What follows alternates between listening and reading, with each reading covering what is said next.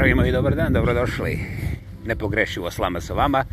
Samo proglašen lingvistički aktivist, monumental autentični. Ja pa ja, kao i drugi Vladimir Krećan sa fantastičnih, preljepih, naravno legendarnih stjenovidih planina. Danas na manje od puškopljuc od pravog pravca tog proljeća. I nimalo mi nije žao što se planeta zagrijava, mada zima nije bila preledena. Dakle, dobrodošli, kako ste? I zamolit ću vas lijepo za ovih naših 15-20 minuta.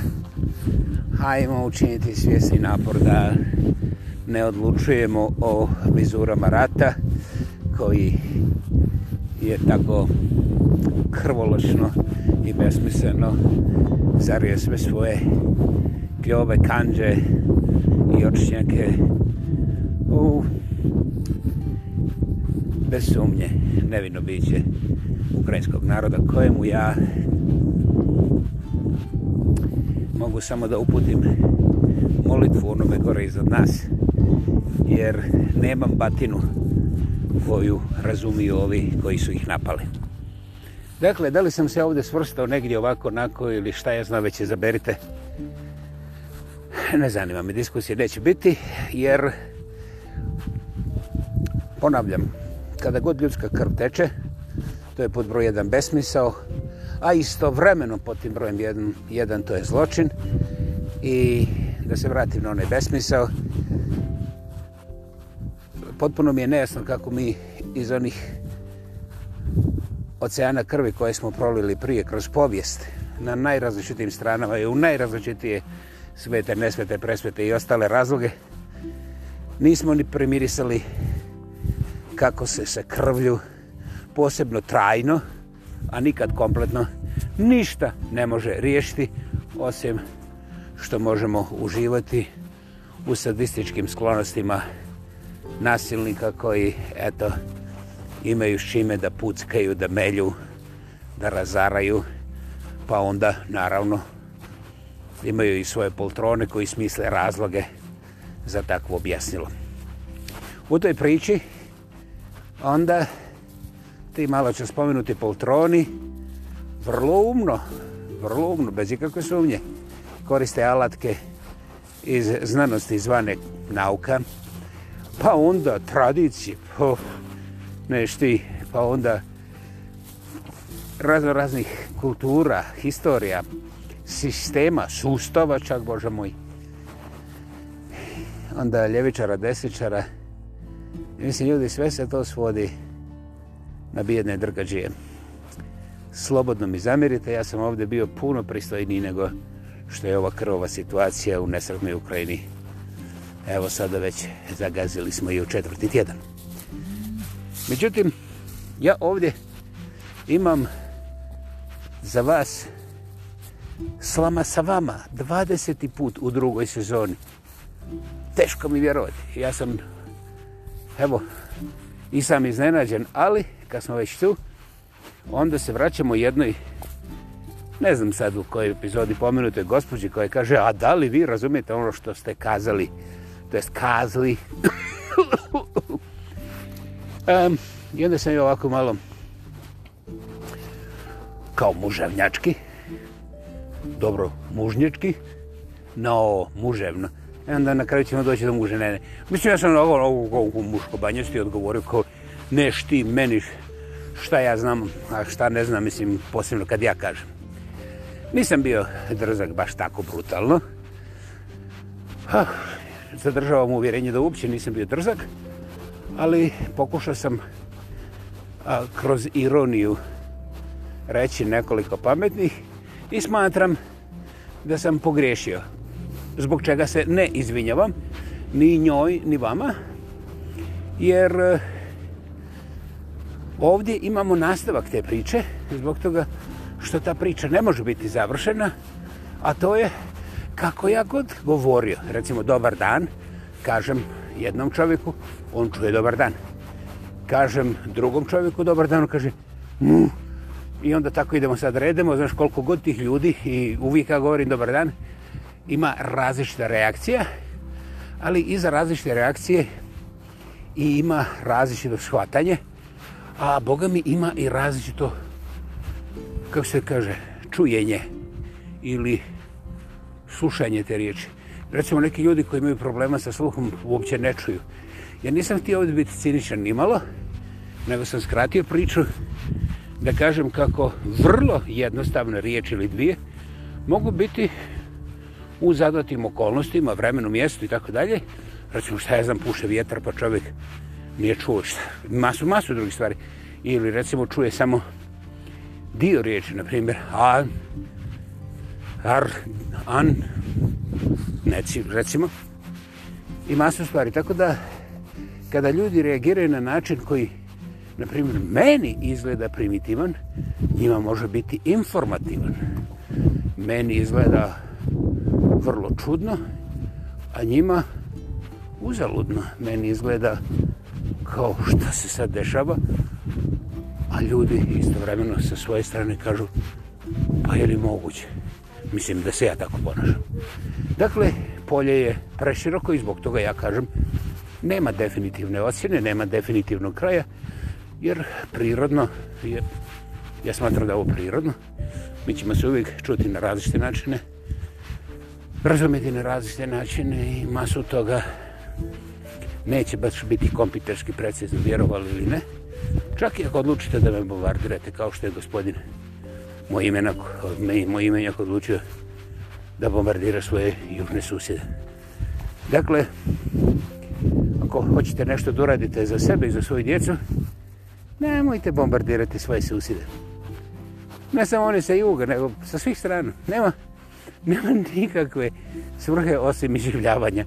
Najzbiljnije, odbacite nauke, sisteme, politike, ideologije i sve tako redom. Te enciklopedije možete staviti u podrum i zaključite ih neka trun. Eto ga. Dakle, mi imamo ovdje ne priču o nauci i naučenosti, nego imamo priču o jeziku i slušnosti, čujnosti toga jezika. Znači, to je jedan od tehničkih kanala kako mi u stvari ne moramo znati, ali koristimo to što se zove jezik. Znači, nije ono što sam ja rekao, nego je ono što je čovjek čuo. Dakle, ja jednom potpuno gluhom čovjeku kažem dobar dan i ne gledam ga u oči, nego gledam recimo na stablo pored njega i čovjek pođe, pođe pored mene kao da ja malte ne ne postojim. I onda ja sad bivam uvrijeđen jer ignorira me krmak jedan i tako to. Krmak je kao što vidite upravo ovdje, nije nikud pobjegao onaj jedan gluhi čovjek još uvijek nije sebi ovaj utetovirao na čelo da je gluh, kako može biti tako neodgovoran. Ali kažu mi ovi iz moga studija da ja ne trebam da lupam dalje po ovom pitanju jer sam promašio i šefa i stanicu. I ovaj, znaš šta, među nama govoreći ja se s njima slažem. Dakle, ovaj, tu dolazimo u jedan prostor gdje sada primjećujete da je jezik alat. I da je to alat, e, recimo za početak kao svaki drugi, mada to nije kompletan opis, ali alatka ima taj problem što ako nije u pravim rukama, ili ako nije na pravom mjestu, ili ako nije u, na pravoj situaciji, na, naime, ne možete primjenjivati čekić za farbanje ograde. Znate? ovaj, pokušajte slobodno. Ja vam to ne mogu zabraniti. Ne možete koristiti ovaj metru za na primjer podizanje betona za ploču na trećem katu. Ovaj, mislim, ja znam da neke vještice su podebeli da letu na, tu, na tim metlama, ali ovaj, opet se vraćamo alato, znaš, alat mora biti primjeren za NATO. Naime, za ovaj malo ću spomenuti cement koji treba poniti na drugi, treći kat, ne možete koristiti alat od šustera ili, na primjer, od klavir štimer majstera, zato što ovaj, Ne znam, probajte, probajte. Ako ne shvatite na prvu loptu, onda nastavite da se loptajte, osnovite prvu ligu zanadske promašenosti ja ću biti prvi doći, prvi doći da to vidim. Dakle, kao što vidite, ovdje dalje diskusija ne pomaže. Jasno je svakome, čak i onom koji ne vjeruje, jer ako proba, iz tog momenta ovaj, ne ide onako kako su oni zamislili. Dakle, klavir štimer ima alat, koji je jednostavno neiskoristiv za ove betonirce na visokogradnji. I ovaj... nije potrebna dalje nauka, pogotovo ne dalje riječi. I tu dolazim u prostor gdje sam ja, oho, oh, ima tome vremena, odlučio da izbignem te diskusije i onda mi se ispostavio problem klavir Štimer Majstera sa tim teškim građevinskim radovima na visoko gradnje. Naime, alat mi nije štimovao za svrhu koju sam ja smislio. Bum! I onda sam morao, htio ili ne htio, da stvar nakon nekog vremena napustim i sad sve se to ključalo, krčkalo, sudaralo i vraćalo i odlazilo. Tako da bi ja u neko vrijeme konačno negdje usred noći sam sebe iznenadio i rekao, bum, znam. Te noći sam ja napisao jedan članak na svojoj web stranici vladimirkreća.com Znači, umjesto Č imate C, Vladimir Kreca, točka, može i tačka, C, O, M, ili komp, na engleskom, kom, ne P, nema P, C, O, M, C, O, M, vladimirkreca.com, to je sve jedno. I ovaj, sam napisao tamo dragi moji svijete, ja sam od danas samoproglašeni lingvistički terorista. I to je bilo u vrijeme kad je familija Bush ganjala one jadne Arape, naravno, samo demokratski i oslobodilački, ovaj, zajedno sa cijelim islamom, od koga smo se plašili i mi na krajnjem zapadu Kanade, jer lokalne novine su na naslovnim stranicama donosile napise kako trebamo da razotkrijemo toga ubačenoga bombaša koji je onako mrk. Možda nema turban, ali je mrk. I ovako oko stomaka ima zavezano nešto, to je 100% bomba. I ovaj, oni samo trče okolo da pobiju nas zapadnjake, jer ne mogu nas smisliti čovječe ovako debele i lijepe i tako dalje.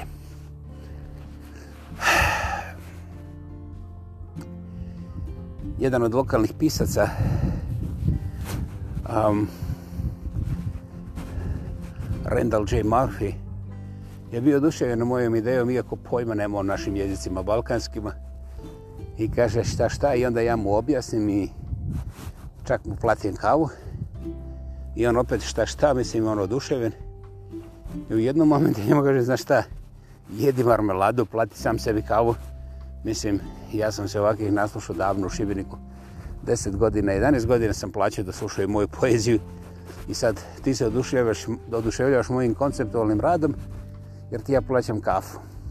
Znaš, i onda on kao namesti Fijas, ja kažem, facu, ja kažem, znaš šta, nemoj da budeš uvrijeđen i iznenađen, jer ovaj, ja ću ti dobiti prolev odmah sad i imat ćemo skandal. Znači, odje baus, mislim, čuo sam sve tvoje mišljenje i ja nam kažem, to sve što si imao reći, smireno, znaš, onako baš, engleski što bi se reklo. I osjetim da je ovo reakcija koju ja prije nisam u životu doživio, ono fa, face to face, ono takozvanim opanak u opanak, jeli? I ja kažem, no, mislim na čistom engleskom jeziku, ne samo ovako seljačko, nego ono, no. I on kaže, ok, sad mi daj 3-6 sekundi da je tebi, kažem. I onda mi on kaže, vrlo lijepe riječi u ovom konceptu, kaže da je to originalno, da nije, ovaj, na toj razini i u tom kanalu čuo originalnu stvar i misli da ja to trebam nastaviti. Da je to ideja koja je i, ovaj, gradska i demokratska i ima budućnost. U stvari ima i stvarnost, samo eto, treba je oblikovati, izvući, šta je znam, bla bla, truć, truć. Ja kažem, pa dobro, zašto se onda grtiš na mene, što me tako kiselo veš? Kaže, vidiš, ja ne znam koliko se puta ponovio terorist, ali svaki put mi to ovaj raskida jetru. To je to je za mene bio veliki udarac i ja ne znam zbog čega tako korisnu ideju uništavaš terorizmom terorizma, a ovaj čistim tim verbumom i onda riječi i nastupom kako terorizi. Ja pokušam da mu kažem da je to provokacija za misao. On kaže pa to je odlično promašeno i to radi kontra tebe. To je onaj bumerang koji će te iz čista mira, bez upozorenja, razvozati i staviti pod noge a, trubadurima kao tobožnje pameti i slobode. Znači, bit ćeš ispod malograđanskih guzica, masnih, debelih, preznajenih i usranih, a samo zbog te jedne riječi. Kako misliš? Kaže, pa ne možeš koristiti riječ terorizam. Kako? Ne mogu, ne mogu, pa vidiš da ima te riječi, ima dovolj. Evo ja gdje sam zagrabio, ima još. Kaže on, ok. I tu počne priča o tome nazivu moga konceptualnog prostora koja je trajala tri godine i on je meni objašnjavao iz svih kuteva kako je za mene štetno, a i za tu samu ideju, da govorimo o bilo kakvom terorizmu, čak i kada je lingvistički. I ovaj... Meni je bilo drago razgovarati s čovjekom jer očigledno on nije bio e, na krstaškom zadatku da me prevede u svoju partiju, politiku, naciju, religiju. A, ne, nastavite, ima enciklopedija mogućnosti. Nego on je stvarno razgovarao o predmetu, a to je jedna dobro konceptualistička ideja je zamutana ne samo u problematičan, nego u eksplozivan i smrdljiv izraz, riječ, ako hoćete, koja sasvim sigurno svome autoru i svome telalu donosi garantirano puno više štete nego koristi. I ja sam tu matematiku preživao skoro tri godine, razgovarali smo na razne načine i bio sam u početku apsolutno nedodirnutim objašnjenjem. Mislim, da je on racionalan čovjek, da je um, cijeli život u kulturi, pisac, um, kompozitor. Znači, sasvim, sasvim sigurno ima sluha i njuha da ne govorimo o morđanama iskustvu, a i naravno poznavanju lokalnog okruženja. Nakon gotovo tri godine mnogo vrenja, ja sam ovaj, došao k njemu i kažem, eto, hajde ja ću platiti, opet kao kaže, nećeš platit ću ja, ja kažem, pa ću ja onda uzeti dvije. Kaže on, uzmi dvije, da Bog da se, uh, ovo sam ja dodao, da Bog da.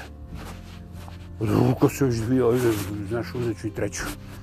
Ali, i čovjek, nema problema s tim. I kad sam vidio tri šolje ispred sebe, čovječe, nema gdje da stavim ruke.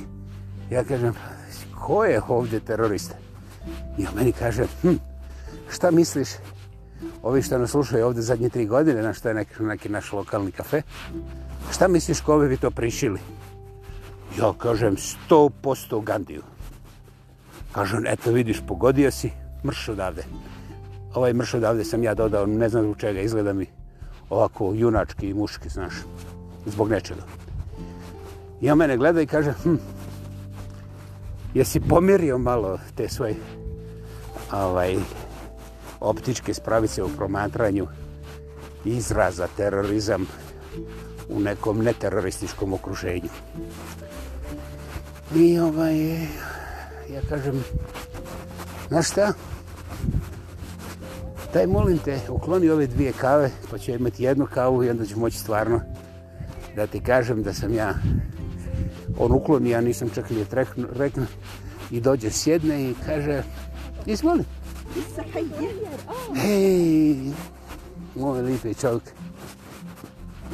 I kaže meni, pa znao sam ja da ćeš ti doći. Kako si znao da će doći? Ja sam pametnija od tebe 300%. Mislim, kao što vidite, ja sam kulturan, ovaj, uvijek u pravu i naravno primijetili ste skroman. On mene gleda. Kaže, znaš, svaka rasprava o suvoj vodi ne može dalje od suhe pare. Eh, teško ko da će staviti ovaj litar takve suhe vode ispred sebe za ruček. Kako si znao? Kažem, pa kogod pokuša saznaće. Uf, ti si vrač, tvoja magija nešto vrijedi. I tako sam ja od samoproglašenog lingvističkog teroriste,